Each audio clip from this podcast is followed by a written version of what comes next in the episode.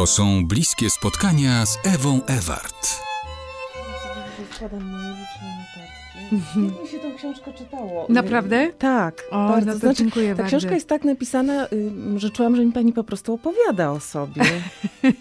No to jest, bo no, ona jest tak dokładnie opowiedziana. Ja tam, wie pani, nie ma żadnego drugiego, ja nie ma jakiegoś baroku w tej książce. Nie, jest tak po prostu od Mhm. początku do Miałam końca. wrażenie, że pani taka jest po prostu, jak, jak pisze. Tylko brakowało mi trochę prywatności. Dlaczego pani tak no właśnie. jest taka nie, strasznie no, dyskretna? Tak, no, no bo ja mam swoją teorię na ten temat, wie pani. To nie jest tylko moja prywatność, to jest też prywatność partnera, prawda? Dotyka się zawsze w tych opowiadaniach prywatności osób trzecich, Tak. a ja mam taką zasadę, że po prostu z, z racji wspólnych przeżyć, przebytych lat, mm, to tak nie wypada. Ale to by było ciekawe, bo pani zawód jest taki, że wymaga bardzo wiele od pani partnerów. Prawda? E, no na pewno, coś... na pewno. No tak, na pewno ja przyciągam bardzo specyficzne osoby, bo podejrzewam, że jakiś taki strasznie tradycyjny układ to po prostu tam by nie zmieściła się. Partner by nie wytrzymał, ja bym nie wytrzymała. A gdyby pani miała nakręcić film o Ewie Ewart, to jaka scena by ten film otwierała? Oj, przyznam się szczerze, że ja się najlepiej czuję za kamerą. I, nie zastanawiałam się do tej pory nad scenariuszem o własnym życiu i sekwencjami filmowymi, jakby to miało być. E, Na pewno bym tego nie ułożyła, gdyby taki film powstał, na pewno bym tego nie ułożyła chronologicznie, tak jak ułożyłam książkę, no bo wtedy taki film byłby po prostu nie do oglądania. To musiała być jakaś dynamiczna, dynamiczna scena. Może jak zwykle przeprowadzka mi zajmuje 15 minut. Zabieram cztery książki, pięć tam swetrów, jedną parę spodni i już po przeprowadzce.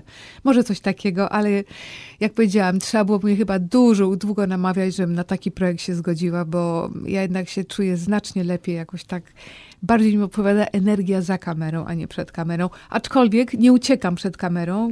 Współpracuję przecież tutaj z TVN, mam program dokumentu, ale jest zupełnie inaczej, jak się siedzi w studio i pontyfikuje na temat dokumentu.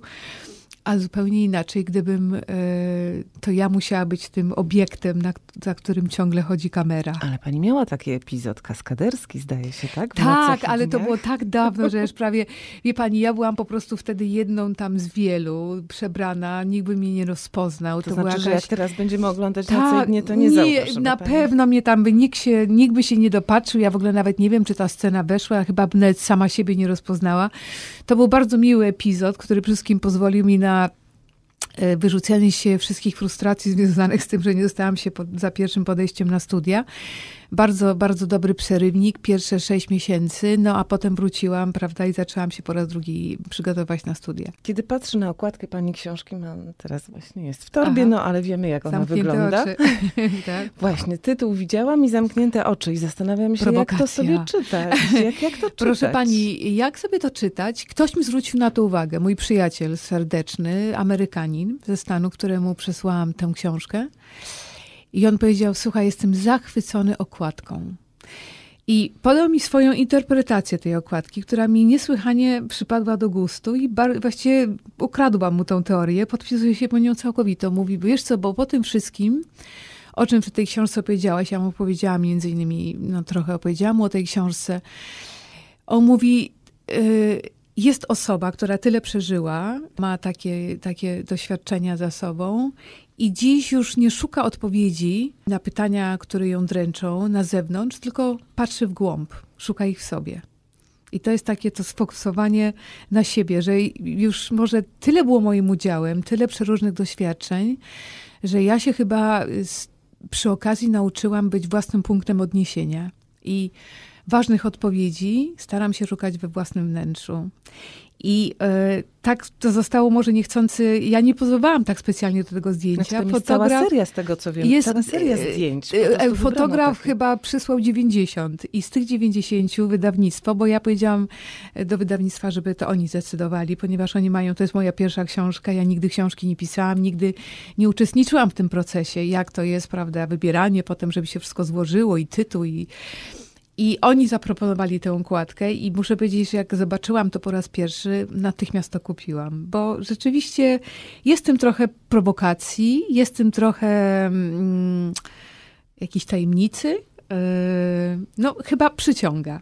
No na pewno, na pewno jest się nad czym zastanawiać. Ale ostatnie zdania w pani książce tak mnie troszkę zaniepokoiły, o, bo pani tam mm, nawet sobie wynotowałam, pisze o tym, że, Że minione wy- lata wycisnęła jak cytrynę, że kiedy dojadę do końcowej stacji, czy Nie, nie, ja się nie żegnam nie żegna się. Nie, brońcie Panie Boże, nie. E, To jest e, po prostu w ramach tych wszystkich refleksji, które naprawdę jakoś tak uruchomiła ta cyganka, która mnie zatrzymała na ulicy i strasznie chciała ze mną porozmawiać. Po prostu mnie nie chciała puścić i, i ja mimo wszystko nie podjęłam, nie kontynuowałam tego spotkania i tej rozmowy, ale niewątpliwie ono uruchomiło właśnie jeszcze z tego względu, że ta cyganka mnie zatrzymała tutaj w Warszawie, prawda? Powrót. On rzeczywiście, y, ta, to spotkanie uruchomiło jakąś lawinę refleksji nad tym, co już za mną. E, Co nie znaczy, ja się niesłychanie cieszę jeszcze na to, co przede mną. A mm, te zdania, mm, one chyba jakoś tak. mm, mm, Moim zamiarem było, żeby one posłużyły y, powiedzenia, że ja jestem bardzo pogodzona z porządkiem tego świata. Ja mam kompletnie poukładany w sobie i nie ma we mnie żadnego strachu przed przemijaniem.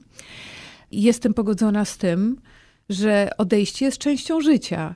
Ale y, jeszcze wiem, absolutnie jestem przekonana, że bardzo wiele przede mną. Jestem cały czas bardzo zachłanna na życie, na, na nowe doświadczenia, na nowe przygody, na kolejne filmy. Na bardzo wiele rzeczy jestem zachłanna jeszcze i jestem przekonana, że one jeszcze będą moim udziałem. To po prostu wydawało mi się taką chyba naturalną puentą tego wszystkiego, co było przedtem.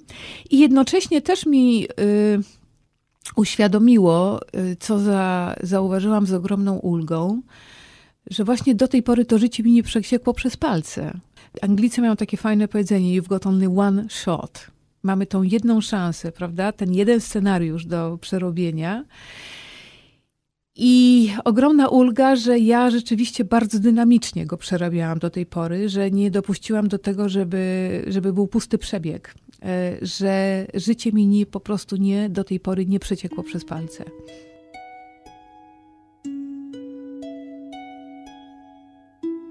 Ewa Ewart w bliskich spotkaniach RMF Classic.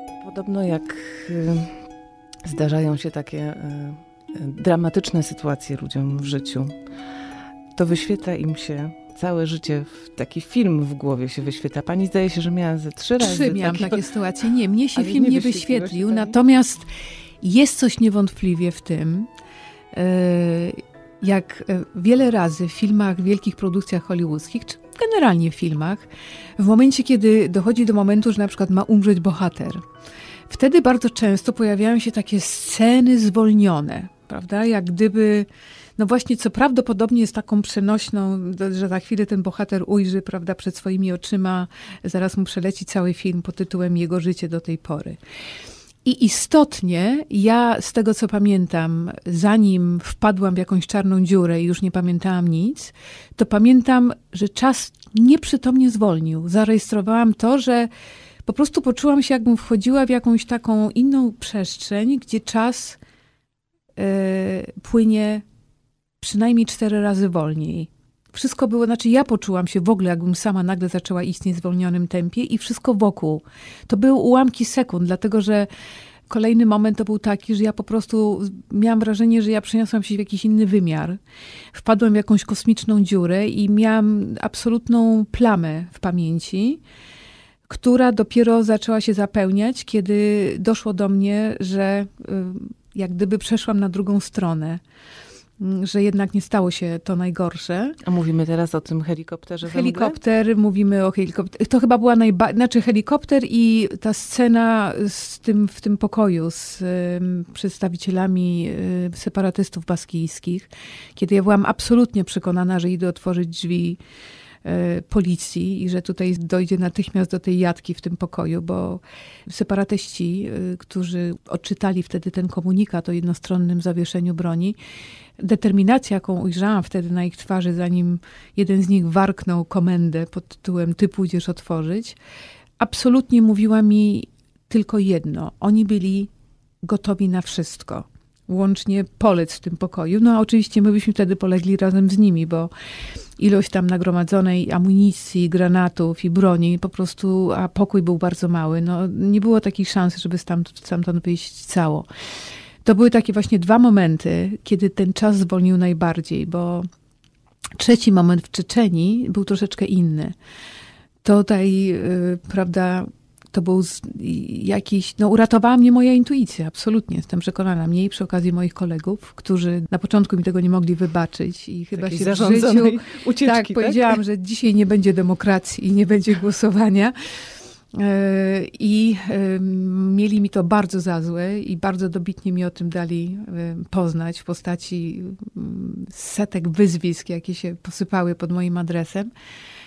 Ale jak ja określam często, że przecież uratowała mi moja najlepsza przyjaciółka pod tytułem intuicja. No i ich też potem już I chyba nie tak. mieli powodów do tego, żeby mieć pretensje, prawda?